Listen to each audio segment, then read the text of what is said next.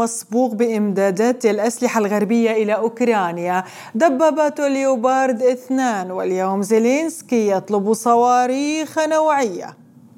عتاد ألماني في ساحة المعركة في أوروبا الشرقية لأول مرة منذ انهزام ألمانيا النازية. هذا هو موضوع الحلقة من أرب بوينت بودكاست معي أنا نغم كباس. وأنا إبراهيم دورينكو. أهلا بكم.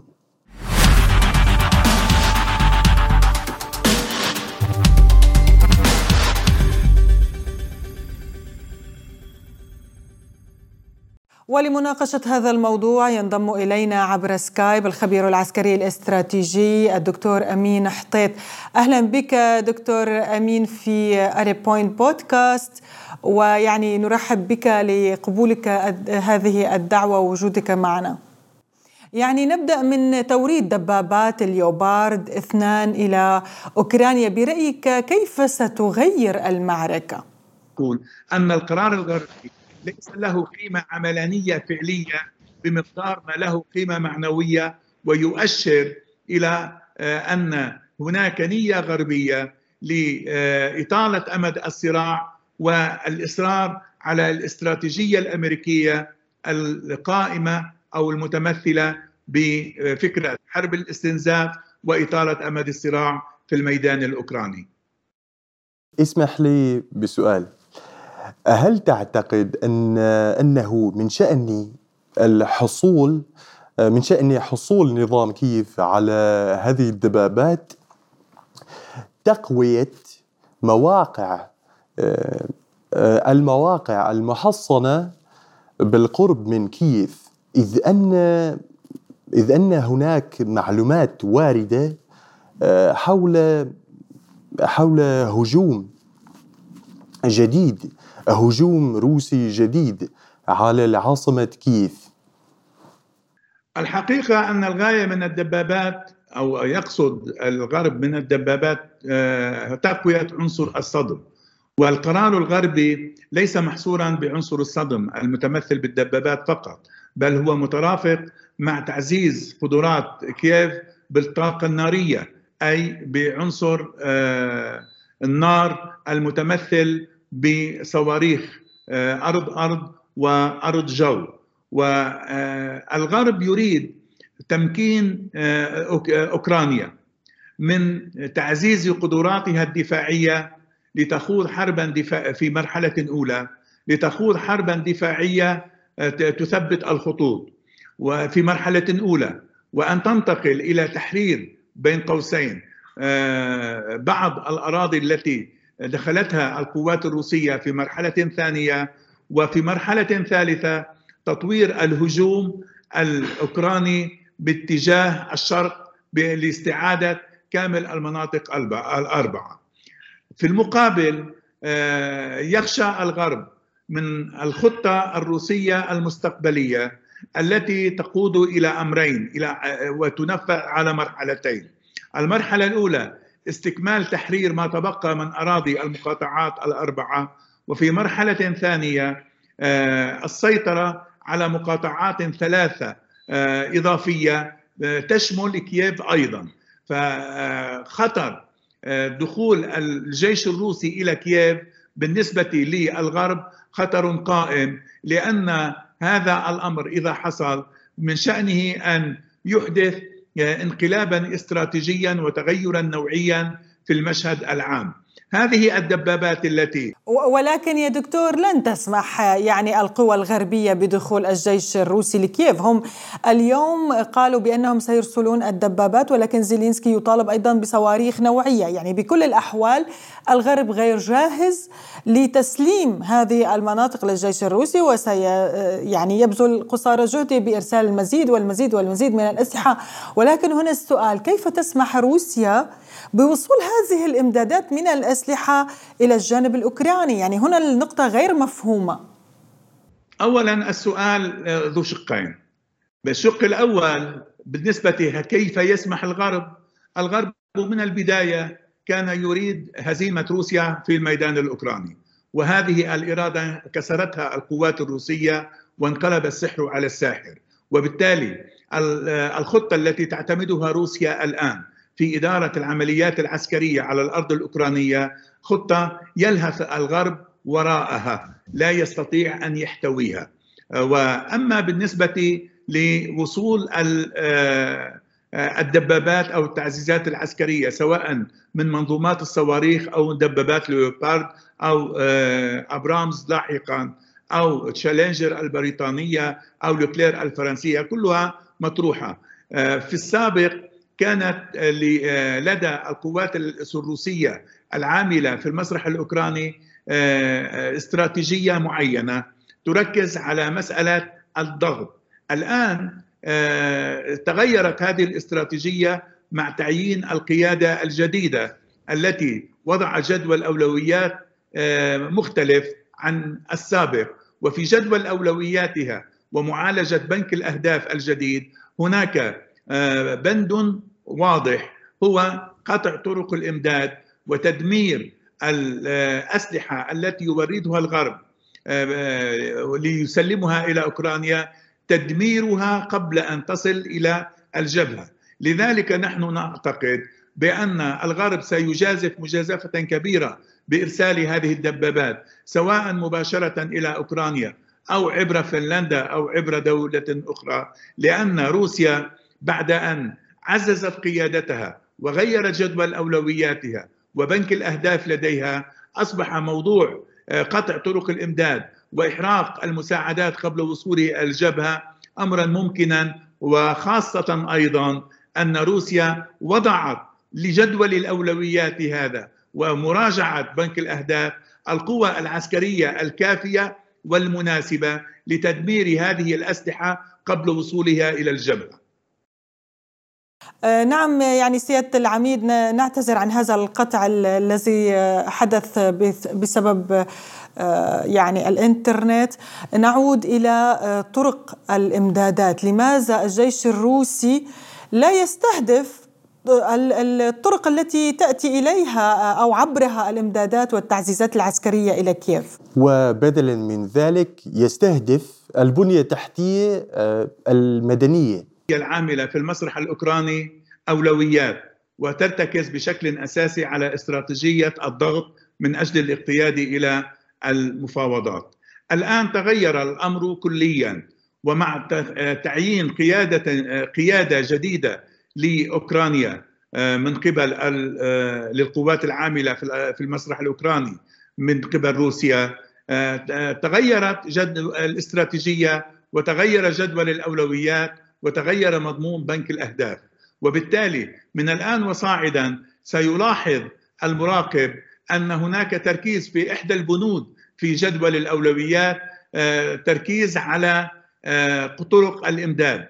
لهذا السبب نحن نعتقد أن هذه الدبابات ومنظومات الصواريخ ستدمر في قبل أن تصل إلى الجبهة من خلال استهداف طرق الإمداد والجسور طيب بهذه الحالة دكتور بهذه الحالة التدمير قبل أن تصل قبل أن تصل إلى كييف تدمير قبل أن تصل اذا لماذا هذه الدول الأوروبية على حساب جيوشها ومخزونها من الدبابات والأسلحة ترسل إلى كييف هذه الأسلحة؟ يعني على حساب جيوشها بالنهاية الذخائر بدأت يعني تخلص عند الجيوش. هي تريد التصعيد والذي يدفع الثمن مباشرة هم الأوروبيون. وبالتالي نحن نقول أن أمريكا شاءت من هذه الحرب أن تلحق الضرر بالاتحاد الروسي وصولا إلى استنزافه ثم تفكيكه لكن في النتائج الأساسية الأقرب إلى الواقعية سيكون تفكيك الاتحاد الأوروبي بعد إنزال الخسائر به واقتياده إلى استنزاف اقتصادي لا يقوى عليه المتضرر الأساسي بعد أوكرانيا مما يجري في مسرحها مسرح العمليات فيها هو الاتحاد الأوروبي وهذا أمر سيندم عليه هذا الاتحاد كثيرا في المستقبل.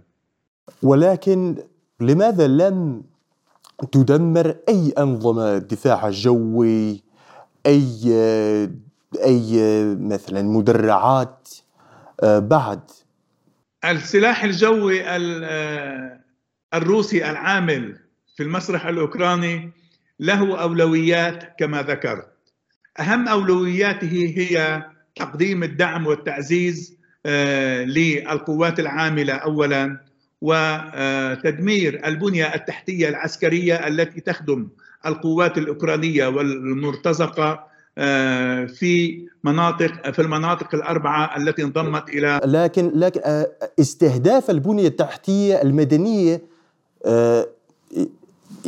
يستهدف المدنيين أنفسهم. ما الهدف؟ ما الهدف؟ ما الفائدة؟ ما الفائدة؟ الآن آه، من أجل إحداث الضغوط ومن أجل آه، آه، تأكيد القدرات أعتقد أن هناك نقلة نوعية في ترتيب جدول الأولويات وفي أعداد بنك الأهداف وفي الصيغة الجديدة لبنك الأهداف سنجد ضربا لخطوط الإمداد ولمخازن الإيواء وللبنية التحتية المدنية التي تخدم الشؤون العسكرية. الميدان لا يشهد آه، أي آه، هجوم معاكس لا من الجانب الأوكراني ولا من الجانب الروسي. آه، الحرب هل أنت معي أم لا؟ الحرب تحولت إلى حرب مواقع من حرب حركة إلى حرب مواقع فقط يعني تثبيت مواقع يقصد آه. إبراهيم صحيح هذا هذا أمر ينبغي التفات إلى مسألة أساسية أن آه، لمدة شهر ونصف تقريبا كان هناك نوع من المراوحة في الميدان والحرب حرب مواقع.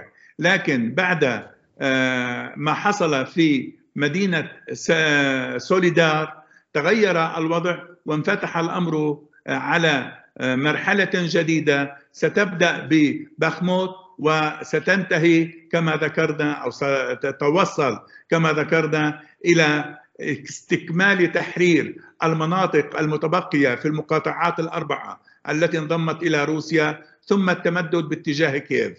هذا أمر تلحظه القيادة الروسية ولكن القيادة الروسية لا تتسرع في الميدان لأنها لا تعرف المدى الزمني الذي ستوقف الحرب آه، عنده. ولهذا السبب تعمل القيادة الروسية. ويقول الخبراء آه، دكتور أنه أو أن هذه العملية وهذا الصراع ربما يستمر لسنوات طويلة، هل توافق هذه النظرية؟ هذا أمر من من الأمور التي يخشى منها. ولهذا السبب آه، روسيا تلتزم بصرامة كلية بالقاعدة الاستراتيجية آه، الشهيره هي الاقتصاد بالقوى ولا تتسرع بإلقاء كم كبير من القوى في الميدان لأنها لا تعرف المدى الزمني النهائي. وهذا ما يعتبر نقطة إيجابية لصالح القيادة الروسية استراتيجيا. هل في رأيك آه، أن أن هذه الحرب ستستمر لسنوات طويلة كما كما قالت زميلتي نغم لأن روسيا فشلت في عملية دخول كييف في بداية الحرب والرئيس كما كما يقول البعض والرئيس بوتين لم يحسب بين الحقل والبيدر. لم يحسم يعني, يعني المعركة. لم يحسب بين الحقل والبيدر آه، الاستراتيجية التي اعتمدت في بداية الحرب تختلف عن الاستراتيجية المعمول بها اليوم. في بداية الحرب بداية العملية العسكرية الخاصة اعتمد الروس استراتيجية الضغط الميداني من أجل الذهاب إلى المفاوضات. وكادت هذه الاستراتيجية أن تحقق أهدافها وبالفعل بدأت المفاوضات التي كادت أن تصل إلى اتفاق. لكن التدخل الأمريكي أفشل هذا المسعى. وبالتالي الاستراتيجية الأولى التي كانت قائمة على فكرة الضغط للاقتياد إلى المفاوضات آه، لم يعد لها مكان. من أجل ذلك وجدنا أن روسيا انقلبت إلى استراتيجية ثانية هي استراتيجية آه، الضغط آه، استراتيجية السيطرة الميدانية وإبعاد الخطر واقعيا وميدانيا. ولهذا السبب قبلت روسيا بانضمام المقاطعات الأربعة في مرحلة أولى الآن ومع إمكانية الحديث عن انضمام ثلاث مقاطعات أخرى في الوسط والشمال الشرقي.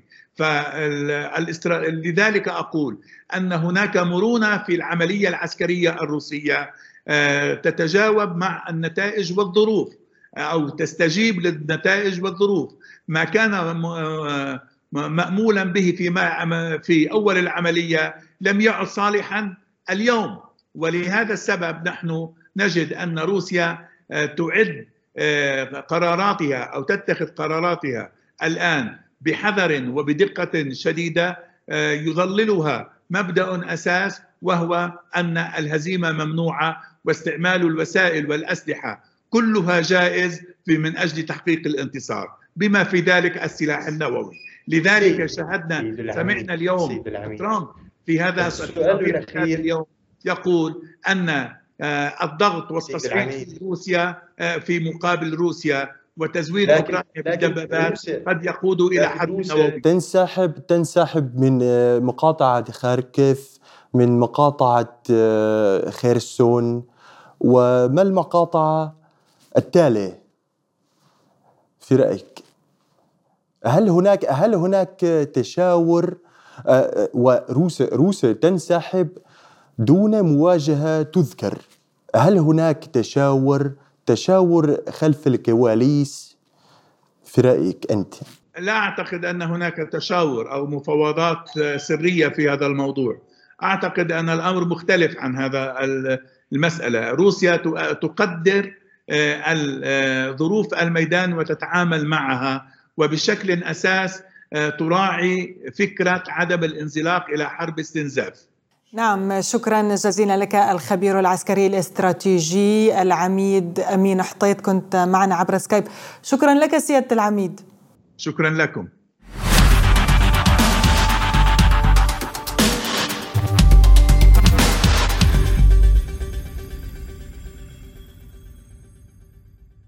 طيب السيد العميد أمين حطيد قال إنه أنه وراء الانسحاب من مقاطعتي خرسون وخركف ما في تشاور أو مفاوضات.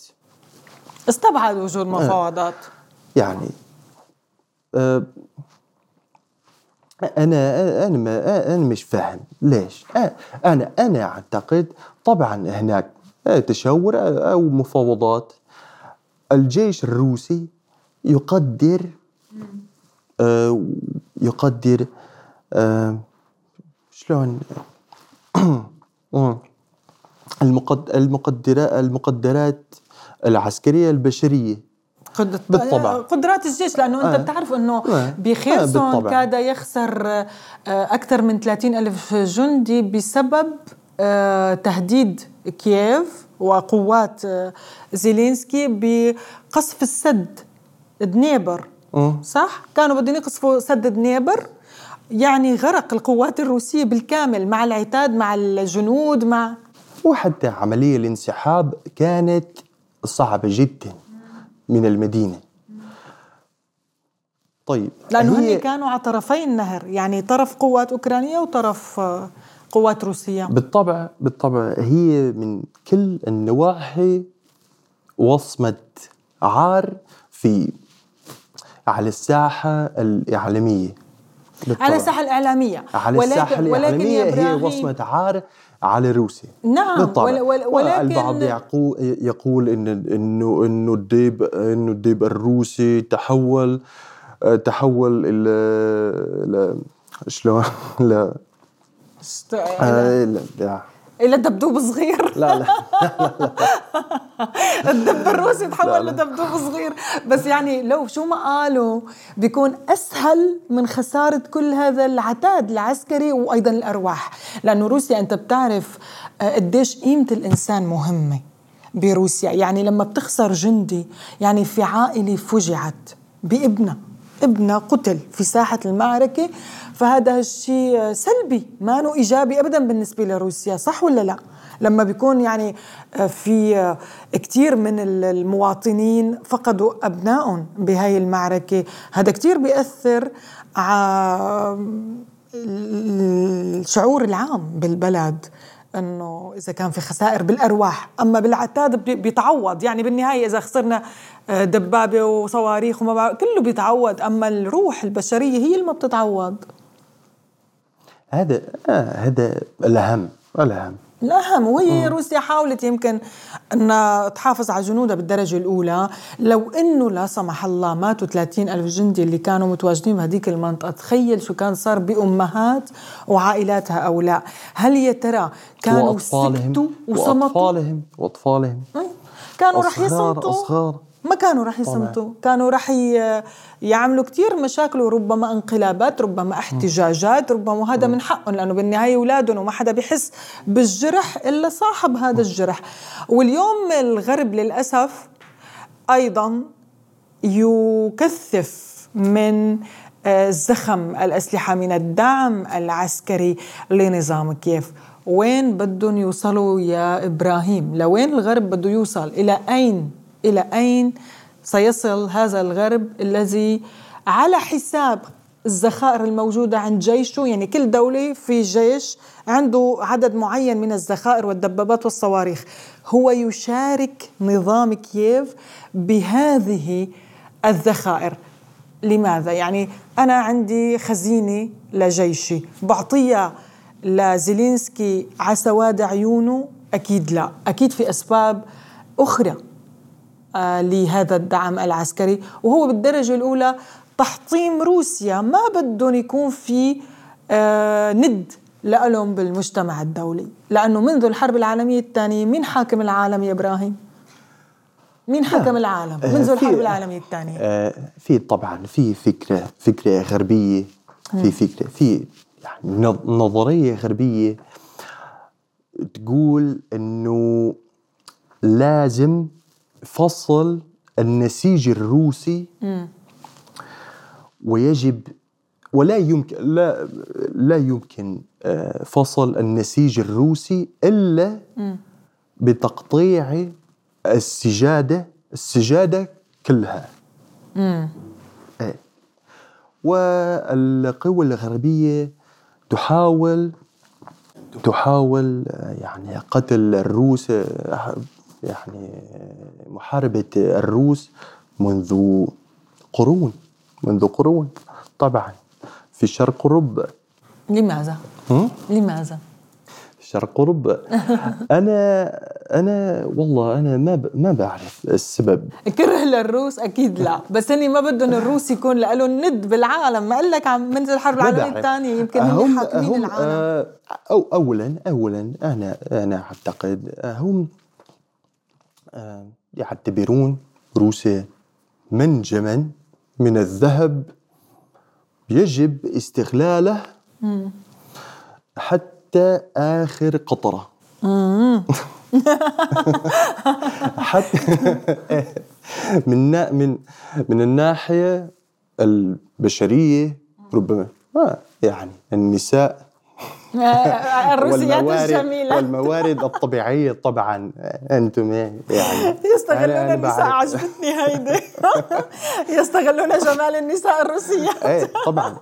في في في قديم الزمان يعني المرأة كانت هي يعني مدة مدة بين القبائل. طبعا. القبيلة القبيلة تموت. بدون المرأة. إيه، طبعا. طبعا. هي العمود. العمود اللي يسند. على فكرة بتتميز المرأة الروسية بقوتها. يعني هي بالحرب العالمية الثانية ما كانت بتقل عن الرجل بالقوة. واليوم هي كمان عم تواجه حرب جديدة عالمية على بلادها وهي أكيد صامدة و وعندها ثقة بدولتها هن الروس إبراهيم بيتميزوا بشغلة ما كل الشعوب بتتميز فيها وأنا هي لاحظتها فيهم إنهم شعب كتير وطني يا لطيف. كلهم قلب واحد إيد وحدة بحبوا وطنهم بطريقة فظيعة. يعني روسيا هي بالدرجة الأولى بالنسبة لهم بال يعني هي الأولوية. شو في غنية بتقول أنه روسيا اللي عيونها خضر وشعرها المجدل طويل و يعني الانتماء لروسيا وحب روسيا آه، كتير متغلغل بقلوب آه، الروس أنفسهم. وأكيد هني ما كانوا بيحبوا الحرب لأنه معروف بالعالم كله أنه الروس دعاة سلام. يعني حتى تشرشل قال تشرشل الروس دعاة السلام. وإن آه، خرج الروس من المعادلة لا يوجد سلام بالعالم. يعني هني لا يريدون حروب. هم كانوا آمنون في بلادهم ولكن هناك تهديدات كثيرة على الحدود. يعني اللي حركش النار مين بيقولوا الأمريكي هو اللي يلا دكش هالنار مثل ما بيقولوا بالعامية. ونسمي ونسمي أصدقائنا أصدقاء يعني أصدقائنا بطبيعة الحال مثلا سوريا. سوريا دولة صديقة ومثلا بالنسبة بالنسبة لأمريكا كل الدول بالنسبة لها كل الدول هي ما, ما هي إلا مستعمرات. بس آه بس. وهي وهي تتصرف مع كلها بمثابة آه مستعم يعني مستعمرات. بس. وروسيا تتصرف وتتعامل مع كل دولة وكأنها حليفة شريك. حليفة. يعني متساوي بشكل مد... بشكل متس... موازن موازن بشكل موازن.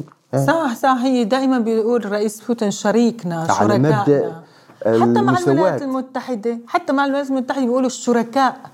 شركائنا الغربيين شركائنا الأمريكان مثلا بيقولوا حتى للأعداء. إيه حتى الاعداء بي يعني هني ما بيلغوا الآخر بيعتبروه شريك في هذا العالم. بينما الغرب للأسف ما عم يقدر يعترف بروسيا كشريك. ما عم يقدر. ما, ما بده. ما بده يعترف بروسيا كشريك. بصراحة أنا نشف ريقي ولعنا مي ولعنا شي. يلا خلونا نخلص الحلقة. بتخلص أنت يا إبراهيم؟ يلا أنت اليوم.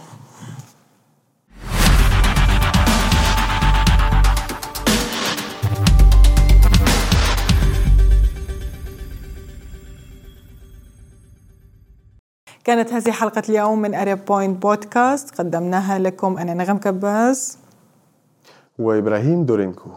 لا تنسوا الاشتراك بقناتنا على يوتيوب تويتر. وفيسبوك. وبودكاست. إلى اللقاء. إلى اللقاء.